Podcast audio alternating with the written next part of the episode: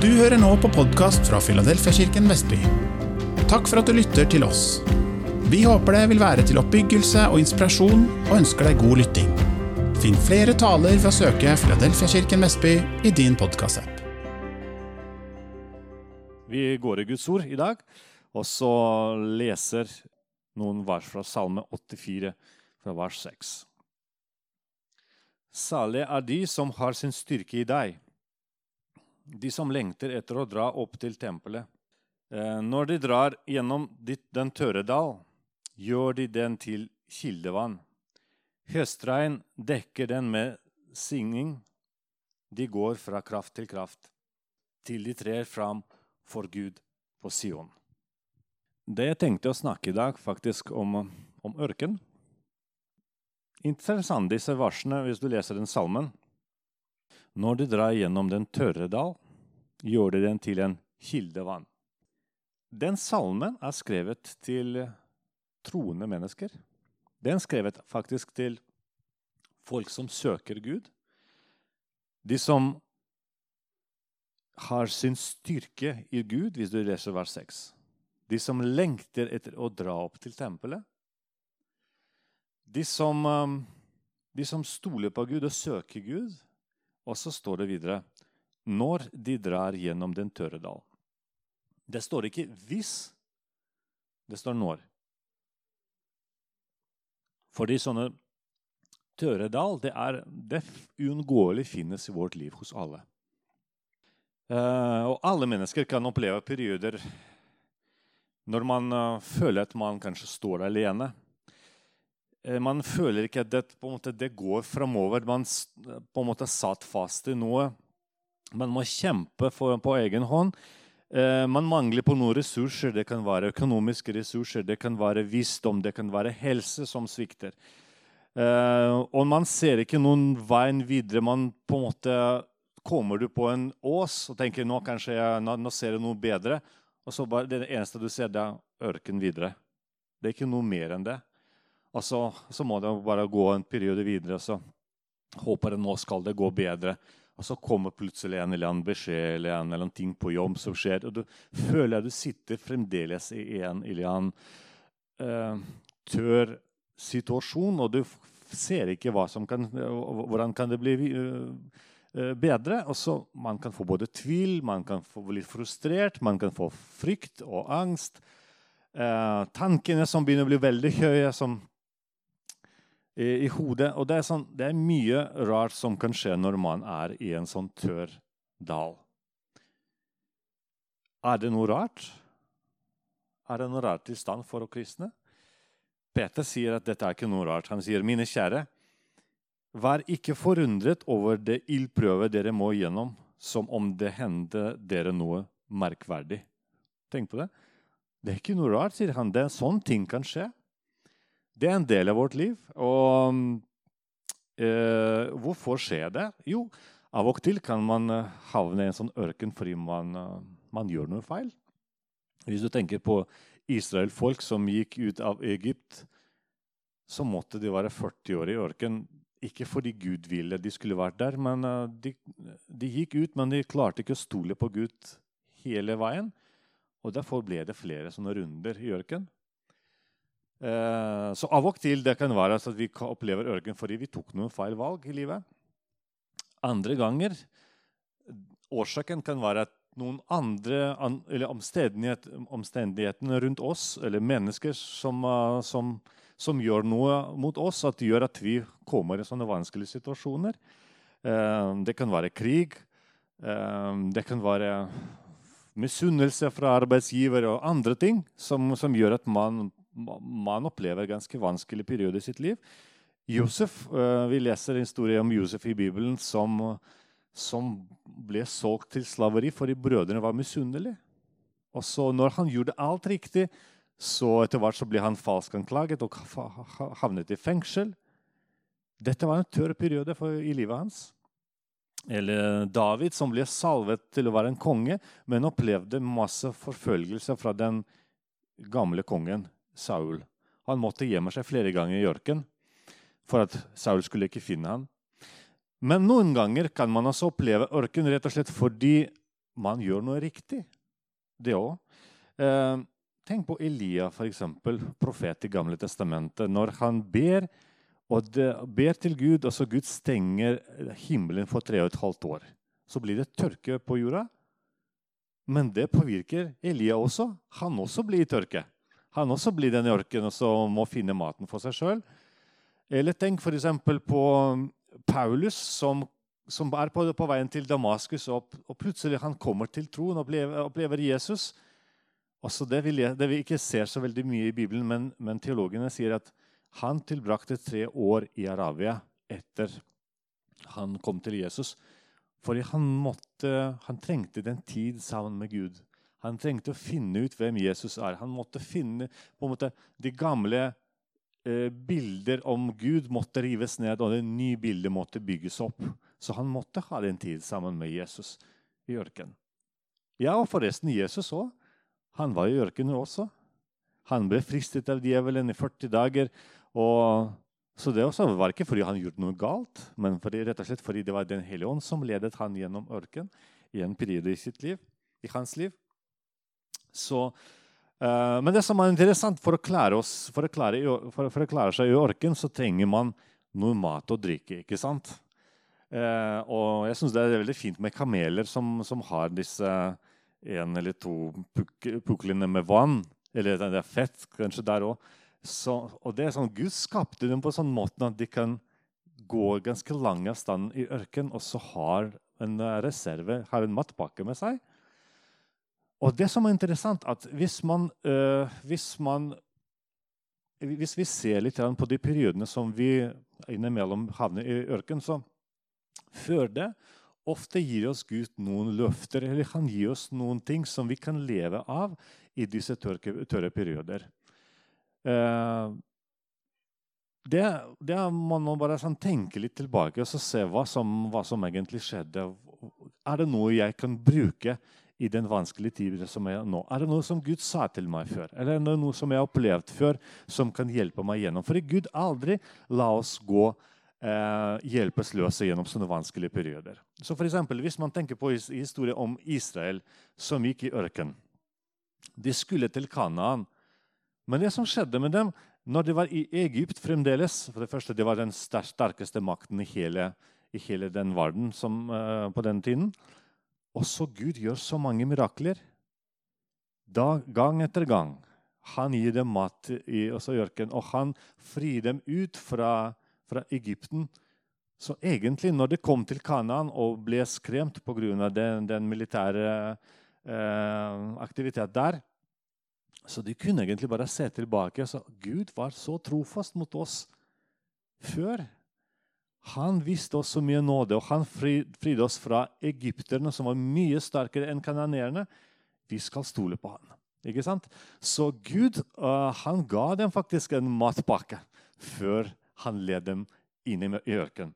Det samme gjelder f.eks. Uh, mange andre. Jeg skal ikke bruke flere historier, men Jesus f.eks.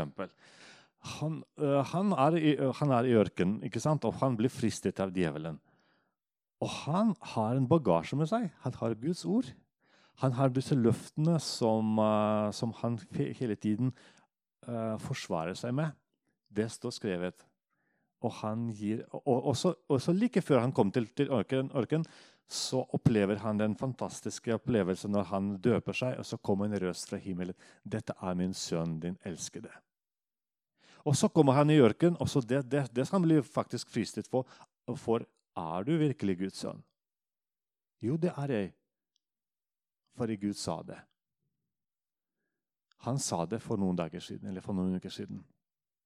Det er nå, kanskje, det er nå han trengte å høre, høre, disse ordene, men han husket det som ble sagt før. Um, det, er, det er også litt sånn en konspirasjonsteori, men noen sier at hvis man ser på hvordan Jesus bruker Guds ord, så han bruker alle stedene han bruker det fra 5. Mosebok.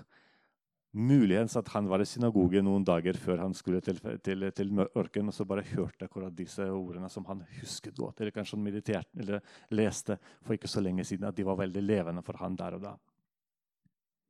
Men her refererer jeg til Guds ord. Og Det også gjelder oss folkens, når vi opplever vanskelige tider. Det er veldig viktig at vi ser tilbake. prøver å huske hva Gud har sagt, eller hva Gud har gjort før. For vi kan alltid referere Gud var trofast til meg frem til i dag. Så han skal være trofast i dag også. Amen. Det er noe vi kan trøste oss med, det er noe vi kan oppmuntre oss med, fordi Gud er god. Amen. Og så står det skrevet i disse salmene som vi leste, altså når det går gjennom den tørre dal, gjør de til en kilder, eh, kildevann. Gud kan også gi oss mat, eller kan gi oss, kan gi oss oppmuntring også mens vi er i ørkenen.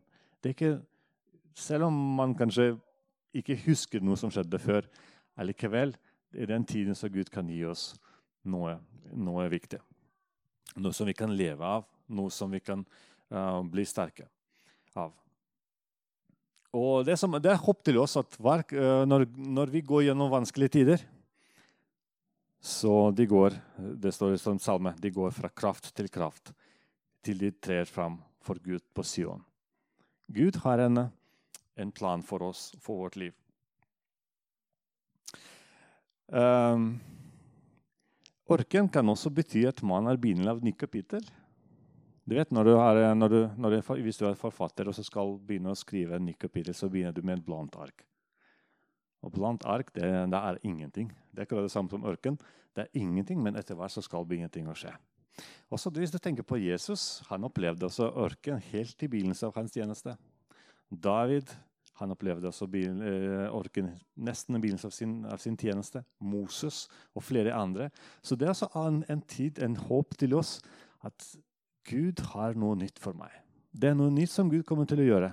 Derfor han vil prøve meg, altså vise meg, eller liksom bestemme en tempo, eller, eller, gjøre meg sterk i den tiden jeg er nå. Eh, ble, eh, det var veldig interessant for meg å lese Jeg har begynt på en ny leseplan uh, for forrige uke. Og nå er jeg i begynnelsen av, av første Mosebok igjen. Uh, og jeg syns det var interessant å lese første kapittel igjen. Du vet, Når, eh, når Gud skap, skaper himmel og jorden, så første vars høres eller første varsene er sånn, uh, veldig interessante, syns jeg. I begynnelsen skapte Gud himmel og jord. Jorden var øde og tom. Og mørket lå over havdypet. Tenk på, den, eh, tenk på det. Kan du forestille deg den situasjonen? For mørke det også, uh, kan være en synonym for ørken. Når ørken det finnes ikke noe liv. I mørket finnes det ikke noe lys. Og så tenk på den når Gud begynner å skape ting. Det er mørkt, du ser ingenting. Men inni mørket det er allerede noe der. Du vet ikke hva det er for noe, du kan ikke kjenne det, du kan ikke forstå det, her, men bare kjennes at det er noe der. Det er Gud allerede satt noe der i mørket som, som, vi fremdeles kan ikke sette ord på. Men så, så sier Gud, la det bli lys. Og så plutselig når det kommer lys, og så du kan si oi, her er det noe. Det er fremdeles veldig usikkert hva det er, fordi det er ikke noe form. det er ingen, på en måte Du kan ikke definere det. Det er som bare en stor rot. Men her er det noe allerede. Lys er det her. Og det Gud begynner å gjøre der, i begynnelsen av prosessen, han begynner å definere ting. Og vet du hva? Jeg opplever det i, i, mitt liv ofte når man går gjennom vanskelige perioder, og når, man, når, det blir masse ting som skjer, eller man, uh, når man er usikker på mange måter, det er ofte veldig viktig å sette ordet på ting og begynne å definere ting. Så det Gud gjør når, når lyset kommer, så sier Gud 'la det bli lys'. Og så sier Gud 'ja, lyset er bra'. Ikke sant? Og så sier han 'ok, lyset, lyset det skal være dag'. Og mørket det skal være natt. Ja, Så han begynner å sette ordet på, på ting. Og så han ser på det rotet som er der, og så sier ok, la vannet skal samles sammen, så blir det hav. Og jorden skal være til en tørrland. Og så når han begynner å skille ting og så kalle, eller gi navn på ting, og så plutselig begynner ting å sorteres, og så begynner det å bli klart til et nytt liv oppstår. Og så på tredje dagen så begynner det å komme planter og blomster kommer livet. Ikke sant? Så det var, det var, det var også en kreativ kaos første dagene. Hvor først var det mørke, og så etter hvert så ser du noe, men du vet ikke hva det er for noe. Så man, man må bruke den tid for å definere ting. Og Gud også lærer oss at når vi er i mørket, at vi skal også bringe vårt liv til ham, i hans lys. At vi ber til ham, at vi uttrykker våre følelser. Kalle ting med, med, de navnene som det er. Om det er skuffelse, så er det skuffelse. Om dette er frykt, så er det frykt. Men man kommer med Gud med det man har. Legger det framfor ham. Og samtidig at vi også vurderer oss sjøl, vurderer våre hjerte i lyset av Hans ord. For i dag begynner ting begynner å falle på plass. Og Gud kommer med sine åpenbaringer. Han, han, kommer med sin forklaring. Hva det for noe? Og han begynner å veilede oss gjennom den vanskelige terreng. Amen. Um, men det som er interessant, dette med, skapelsen, f.eks., det var mørke. Det er noe som skjedde, og Den hellige ånd regjerte, svevde allerede der. Og Det er altså veldig viktig å vite at hvis, den ånd, hvis vi går sammen med Gud, da blir seier hele tida. Ikke hele tida, da blir seier uansett. Amen. Når Gud, når Gud, og jeg vi samarbeider, så han alltid kommer til å skape noe til slutt. Noe som er vakkert, noe som er fint. Det kan ta tid, men han utvider og utvikler vårt liv. Um, jeg, uh, Jesajas uh, Skal vi se hvor skal jeg lese det? Uh, Jesajas 43, 19 står det. Nå skaper jeg noe nytt. Det spirer allerede fram. Merker dere det ikke? Ja, jeg legger vei i ødemarken og, og, og stier i ørkenen. Det er Gud som gjør det. Det er ikke vi som skal finne veien på et vanskelig terreng. Hvis vi stoler på Gud, og hvis vi, hvis vi gir vår hjerte til Gud, så vi kommer til å oppleve at han kommer til å lede oss. Han kommer til å gi oss det eh, Lede oss ut av den ørkenen. Og så En av mine favorittvers det står i samme kapittel, vers 3. 45,3 står det Jeg gir deg skatter som er skjult i mørket, og rikdommer gjemt på hemmelige steder, for at du skal vite at jeg er Herren, Israels Gud, som har kalt deg ved navn det er ikke alltid vi vet hva, hva, som er godt for oss, og hva vi er gode på. Men jeg takker Gud at han kjenner mitt hjerte. Han kjenner oss. Og noen ganger kan overraske med noen nye vendinger i livet. Også man kan oppleve at det kan være litt skummelt i begynnelsen, eller, eller det er noe nytt. Men etter hvert så, så, lærer vi å kjenne Gud, lærer vi å kjenne det Gud gjør i vårt liv, og så oppdager vi at alt han gjør, det er bare for det beste for oss. Han er glad i oss. Eh, og Flere ganger i mitt liv jeg var overrasket fordi livet gikk ikke på samme måte som jeg planlagte. Men i etterkant så viste det seg at dette var den beste veien som det kunne være. Så vi må stole oss på Gud, og trenger stole på, Gud, fordi han vil aldri at vi skal gå alene. Han går sammen med oss. Eh, husker dere en fortelling når Jesus sendte disiplene i båten til en annen, eh, til en annen side av Genesaretsjøen? Og han var sammen med dem, men han sov. Og Da kommer en storm, og disiplene tror de dør. og Helt katastrofe, og Jesus sover. Men Jesus sa at vi skal. Vi skal dit.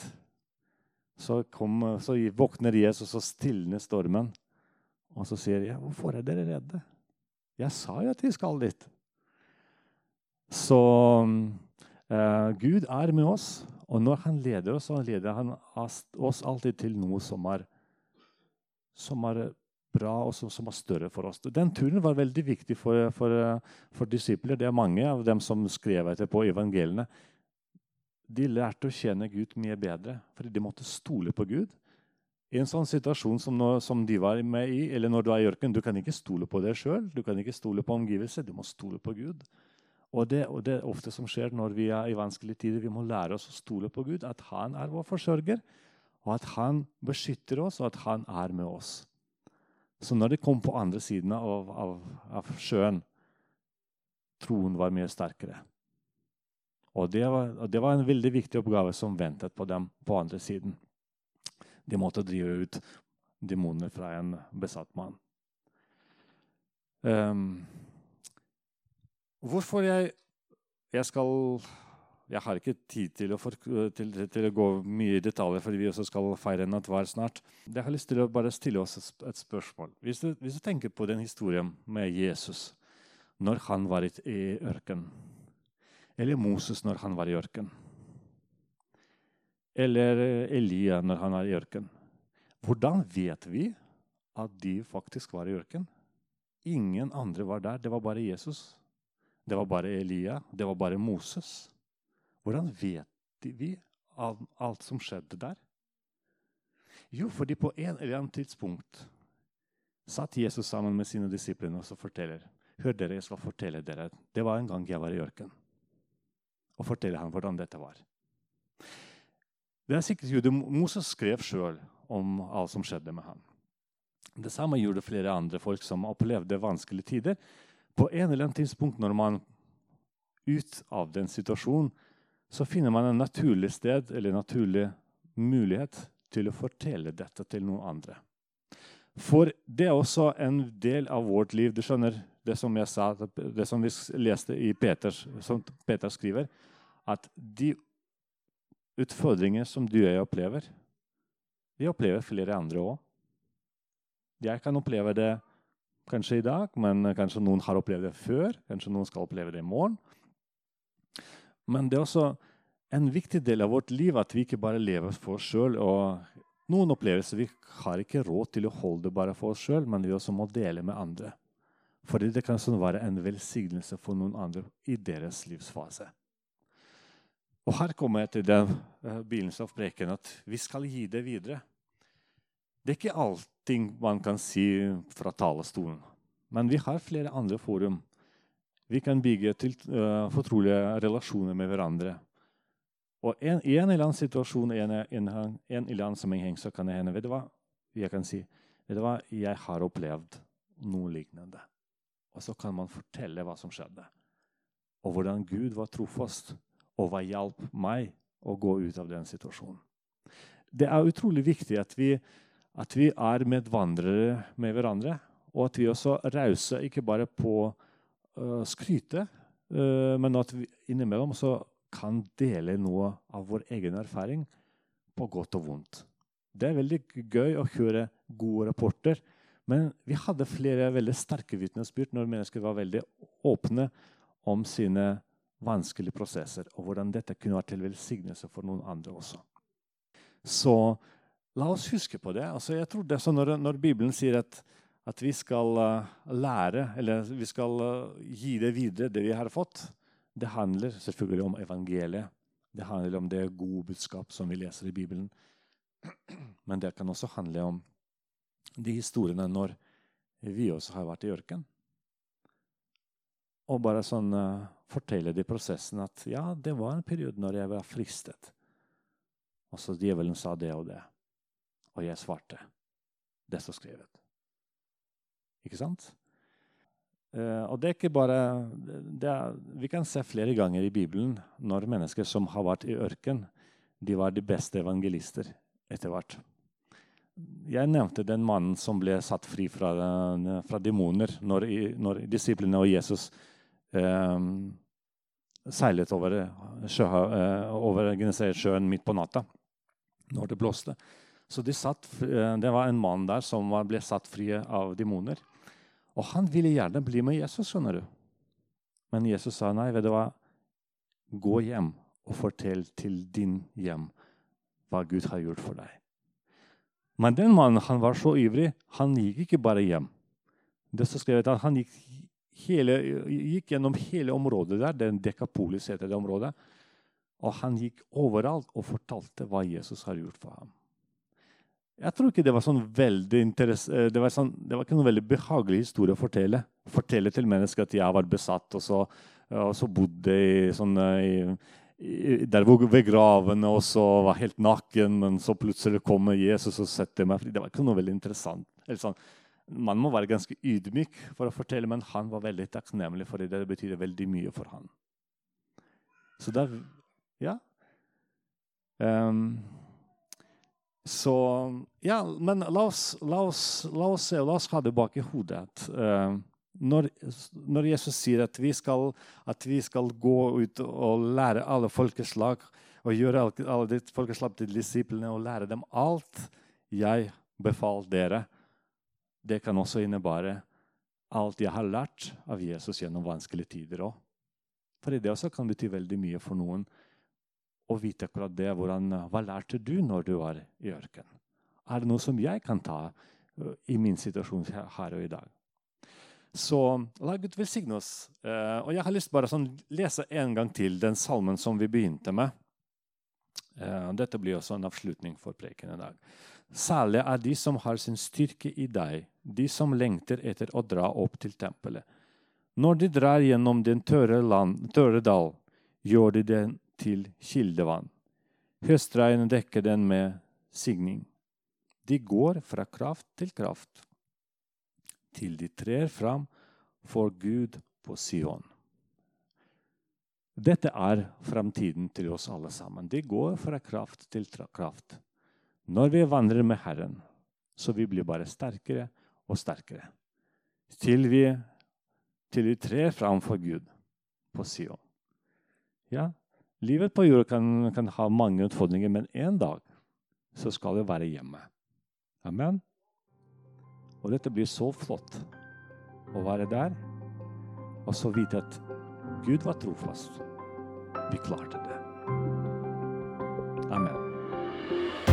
Er du nysgjerrig på Jesus og har lyst til å lære mer? Da er du hjertelig velkommen hos oss i et varmt og inkluderende fellesskap. For møteoversikt, aktiviteter og mye mer, se filadelfiavestby.no.